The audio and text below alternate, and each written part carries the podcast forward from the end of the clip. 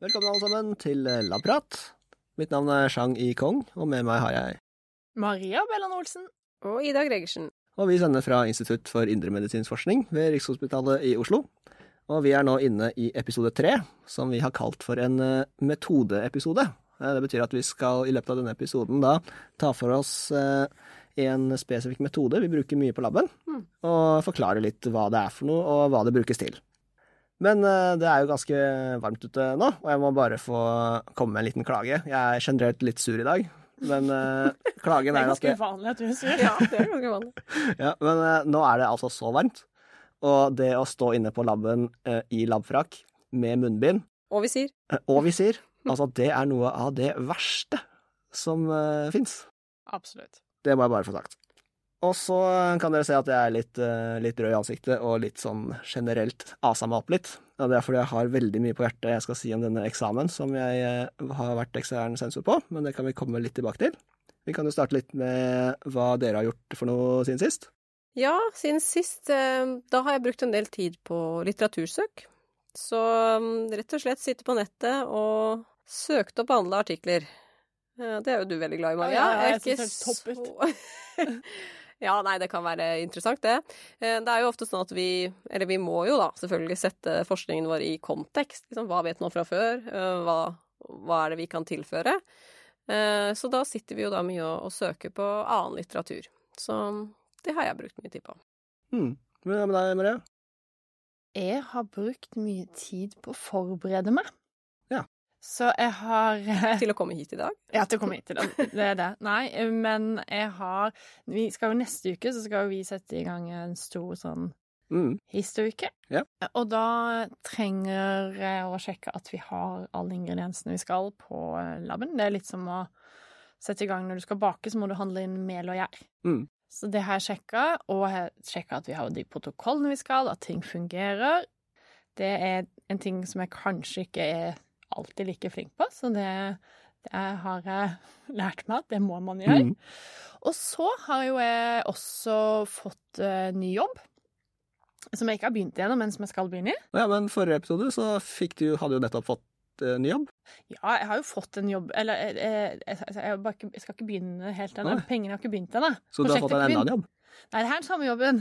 Ok, fortsatt, fortsatt samme jobben. Samme jobben, men det er da et nytt prosjekt. Ja, ja skjønner. Altså- Ja. Så da har jeg satt meg litt inn i det prosjektet, og begynt å planlegge litt hva skal vi faktisk gjøre. Ja. Og det er jo et nytt prosjekt som handler om kvinnehelse, så Ja. det syns jeg er veldig gøy. Så jeg tenker vi må ha en egen episode om. Ja, ja, helt klart. Det høres Kvinnehelse. kjempe, Det er kjempespennende ut. Jeg kan jo prate ganske mye hvis jeg først setter i gang. Jeg så må ikke legge på en femmer nå. Nei, men, men det er jo et generelt veldig viktig tema, for vi Mm. vet jo alle at det opp igjennom har eh, litt kanskje forsket litt mer for menn Mm, enn for kvinner. Ja. absolutt. Men det blir en egen episode. Ja. Det kan vi love her og da. Ja, Chang, hva var det du hadde på hjertet? Nei, altså, dere som ser meg nå, ser jo at jeg er litt rød i ansiktet. Jeg eh, har et kroppsspråk som er litt uh, mer anspent enn vanlig, og det er fordi jeg har uh, aset meg litt opp over denne eksamen som jeg har vært ekstern sensor for, uh, som vi snakket om i forrige episode. Ja, nå er vi spent. Det er ikke helt typisk deg. Eh, nei, men dette kan altså en eksamen gjøre med meg. Eh, det jo Det har vært eh, eksamen i et emne eh, som noen studenter som har et profesjonsstudie eh, innenfor helse, eh, de har jo hatt denne eksamen. Eh, og dette er et eh, grunnkurs, så det omhandler veldig mange forskjellige tema. Og så går det veldig grunt inn på ulike tema innen cellebiologi, molekylærbiologi, biokjemi, genetikk og stort sett eh, biologi, da. Og så er det jo sånn at eh, dette er jo en eksamen som har blitt eh, avholdt eh, under en pandemi. Mm. Så det har jo vært en eh, hjemmeeksamen. Ja. Og da må jeg få komme med en kritikk til de som har laget denne eksamen, først og fremst. For det går altså ikke an å lage oppgaver der svaret er mulig å google. Det er fullstendig meningsløst. Man finner ikke ut av hva studentene kan eller ikke kan, og det er heller ikke en god idé å forlenge eksamen for å øke vanskelighetsgraden. Da må man heller ta og omformulere oppgavene, slik at man finner ut av hva studentene faktisk kan. Og jeg må få legge til at den, det var én oppgave, det var én faglærer i dette kurset som hadde lagd en oppgave som virkelig krevde at studentene tenkte selv. Mm. Og den oppgaven skilte da de beste studentene fra de nest beste. Mm. Okay. Alle oppgaver man kunne google, Mm. klarte selvfølgelig alle å få riktig på. Der var det mye klipp og lim. Der var det mye klipp og lim. Men man kunne altså, i noen tilfeller kunne jeg skrive inn da besvarelsen i søkefeltet på Google, Mm. og så komme jeg inn på en side som ordrett er det samme som da var i besvarelsen. Å, Det ja. var fullstendig meningsløst. ja. For da kan ikke du heller Så lenge de har svart på spørsmålet, så kan du egentlig ikke si noe på at de har googla. Nei, nei, og det sier meg heller ingenting om de faktisk kan dette eller ikke. Og så må vi huske at dette er profesjonsstudie. Altså disse studentene skal jo komme ut og eh, gjøre et arbeid i helsevesenet. Og så er det dette som er eh, filteret for de som har lært seg det de skal kunne, og de som ikke har lært seg det de skal kunne. Mm. Og så har jeg noe, et lite hjertesukk til, hvis jeg får lov til å ta det. Vær så god, Ja. kjør på. Det er jo ikke så ofte du kommer og klager, så du skal få lov. Ja, og dette er jo da til eh, de av dere, eh, studentene, som på død og liv skal vise meg at dere er flinkest i klassen med denne eksamen. Det er til dere som da skal skrive side opp og side ned om ting oppgaven ikke har spurt om. Og dere skal vite at jeg har da fått en PDF-fil på 724 sider. Da er jeg veldig lite hypp på å lese en ekstra side med ekstra informasjon som oppgaven ikke har bedt om. For jeg er helt nødt faktisk til å lese alt du skriver, Mm. og er det noe der som er feil, så får du trekk. Er alt riktig, så får du ikke noe ekstrapoeng, fordi oppgaven har jo ikke spurt om dette her. Men du har gjort at jeg blir forbanna. Det sinnet der, det tar jeg med meg resten av din oppgave. Og i den ytterste konsekvens så er jeg fortsatt sur når jeg starter å lese på den neste oppgaven. Så det kan også gå utover dine medstudenter å skrive mer enn det oppgaven ber om. Så slutt med det. Ja, et godt tips der, altså. Ja, ikke vær en streber, Nei, det kommer ikke noe godt ut av det. men vær flink. Absolutt, vær flink. Det var godt å få sagt det. Ja, så bra. Herregud, det var, det var et par kilo vekk fra skuldrene. Men jeg skjønner deg veldig godt, Chang. Jeg har også blitt fryktelig eh, frustrert når jeg har fått sånne oppgaver eh, hvor de skriver i det vide og det brede. Og du kunne sagt det på to setninger. Ikke sant. Mm. Men for å gi litt ros også, da.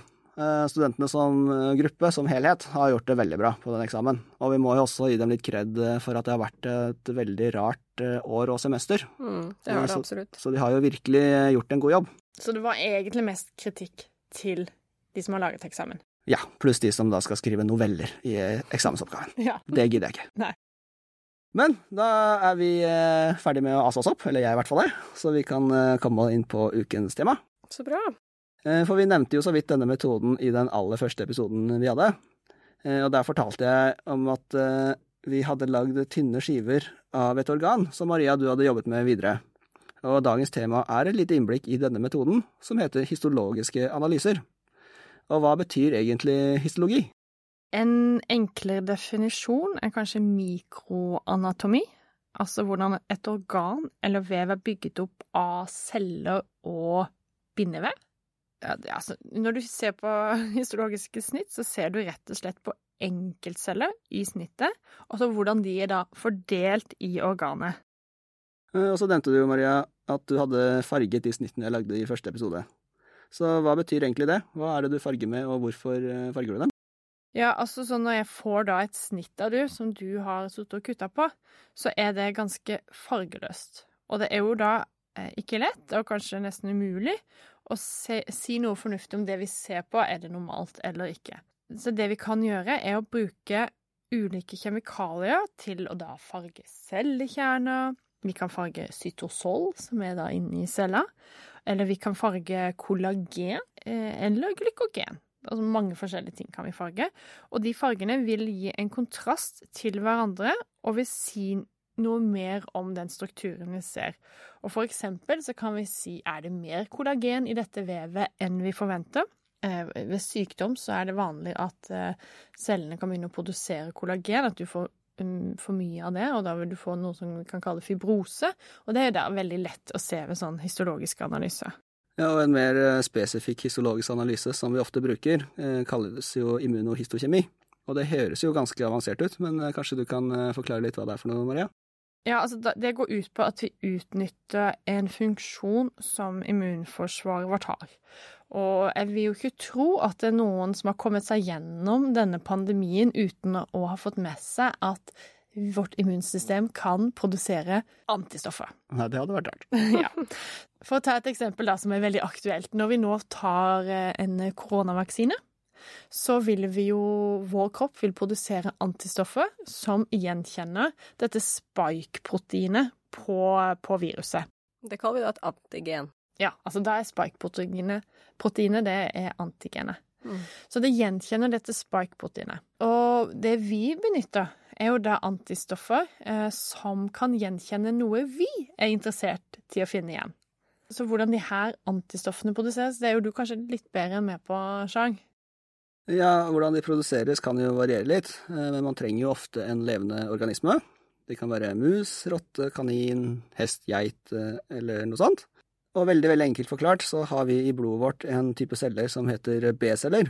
Og når disse møter på et fremmed molekyl som ikke har noe i blodet å gjøre, så vil de begynne å produsere antistoffer som kjenner igjen dette fremmede molekylet. Så la oss da si at vi ønsker å studere om det finnes en masse døende celler i et hjerte. Da er det slik at eh, døende celler produserer noen helt spesielle proteiner som friske celler ikke produserer, og slike spesifikke proteiner kaller vi da gjerne for markører. Så da, for å produsere antistoffer som kan gjenkjenne disse markørene, så injiserer man da en kanin eller en rotte med en blanding som inneholder disse markørene, og så vil dyrets immunforsvar begynne å produsere antistoffer som kjenner igjen dette vi har sprøytet inn. Og etter et par ukers tid da, så kan man rense disse antistoffene ut av dyret og bruke dem til våre forsøk. Og så, jeg må jo legge til da at nå, nå er det jo litt ny teknologi som gjør at man kan produsere antistoff i celleskåler. Og da, da har du jo da B-cellene i celleskålene, og så får du de til å produsere antistoffer der. Og det er jo veldig bra, for da da bruker de jo ikke dyr i denne prosessen. Så nå, når, når, jeg da går inn og bestiller og skal ha antistoff til et forsøk, så pleier jeg å sjekke om finnes det et alternativ som, eh, som ikke er laga i dyr. Det er jo kjempebra. Absolutt. Mm. Men hvordan er det vi bruker disse antistoffene til eh, våre forsøk? Jo, altså Den her er jo litt det er jo litt artig. Det er jo litt koking og litt, uh, litt diverse greier. Det er litt, sånn, litt som å bake, føler jeg. Ja, litt sånn på kjøkkenet? Ja, man er litt på kjøkkenet og gjør en hel haug med ting. Og så kommer du til det steget hvor antistoffene kan brukes, og da drypper du det rett og slett bare rett på det her snittet. Lar det virke en liten stund, og skyller det av. Og da vil de antistoffene som er laga for å binde akkurat den markøren du er interessert i. Og de slipper ikke selv om du skyller med litt eh, diverse remedier. Og så er de gjerne laga sånn at de har eh, en eller annen form for eh, signalmolekyl festet på seg. Så enten så kan det være et enzym som kan produsere farge, eller så kan det også være et fluoroserende molekyl, som, som, du kan se i et fluorosensmikroskop. Så på den måten kan vi visualisere de strukturene vi er ute etter. For eksempel da døde celler, som du snakka om. Maria, når du sier at vi liksom ser for eksempel etter markører for døende celler, da, hvorfor er det relevant for vår forskning, på en måte? Igjen eksempel hjerte, da. Mm. Eh, ved, ved, hjertesykdom, ved hjerteinfarkt, så vil mange av cellene dø. Eh, hjertemuskelcellene vil dø, og det er veldig fint å kunne se området med de døde cellene. Immunsystemet vårt kan også trigge død eh, selv etter at vevet har egentlig kommet seg igjen, så kan f.eks. immunsystemet føre til at um, hjertemuskelceller fortsetter å dø. Og så hvis vi da la oss si, tester ut en annen behandling da, som vi tenker kan denne funke, kan, kan vi påvirke immunsystemet til å ikke drepe eh, disse cellene. Og da er det jo helt eh, topp å kunne farge og sammenligne med uten behandling. Ser vi forskjell? Ja, vet du, det blei mindre celledød. Mm, nettopp. Mm. Kult. Så for å runde av litt, eh, Maria, så kan vi jo kanskje si litt om de snittene vi snakket om i episode én, og som du hadde sendt i skanning for meg. Hvordan eh, gikk det egentlig med dem? Jo, altså, det gikk jo veldig bra. Eh, nå holder vi det litt for oss sjøl hvordan resultatet ble, for det her var jo et pilotforsøk. Så vi gjorde eksperimenter på et lite utvalg av snitta for å da teste ut ulike sånn eksperimentelle forhold. Men nå har vi jo nå fått en protokoll som vi tror på. Mhm. Og så da kan vi jo tise med at neste uke så skal vi ha det vi har kalt helvetesuke med immunhistokjemi. Det kan vi bare glede oss til. Altså denne uka neste uke, Maria. For helt ærlig så tror jeg det kommer til å bli litt gøy. Fordi jeg koser meg når det skal Altså nå har jeg vært litt mye på hjemmekontor eh, eh, denne våren, så jeg tenker at eh, å få en litt sånn opphetet uke på laben med mye som skjer Ja, det er litt gøy, det, når det koker litt på labben, på en måte. Ja, når vi er mange i gang og ting flyr veggimellom, da koser jeg meg. Men nå har vi jo kommet til eh, slutten av episoden, eh, Maria, og det er tid for ditt eh, eureka-øyeblikk. Og vi har jo siden episode én ventet på nitrogenoksid, som vi gleder oss til. Så er det dette vi skal høre om i dag? Nei, nå må du snart gi deg med den der ja. nitrogenoksiden. For jeg- skal komme til det, men, men, men igjen, nå, det som kommer i dag, er en oppfølger fra det forrige gang. Ja, For for da det er, snakka jeg om den derre tollreseptoren, Ja. og det ut, hvordan det utsagnet 'das var jo at toll', hvordan det ga navnet til genet. Ja. Så i dag så tenkte jeg skulle bare For jeg kom over en sånn blogg de hadde på en sånn karriereblogg eh, fra Karolinska institut Ja.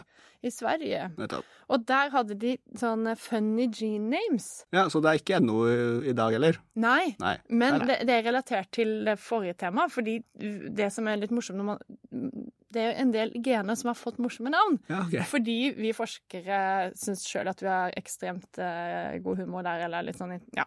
Da tenkte jeg skulle komme med et par eksempler. Så da eh, Er dere klare? Ja, Vi er veldig. klare, gleder oss. OK, så da er det da igjen den her bananflua. Mm. Der er det et gen som heter eh, Tinman. Ok. Skal jeg si hvorfor? Jo, gjerne. Fordi det, den, eh, den får ikke hjerte.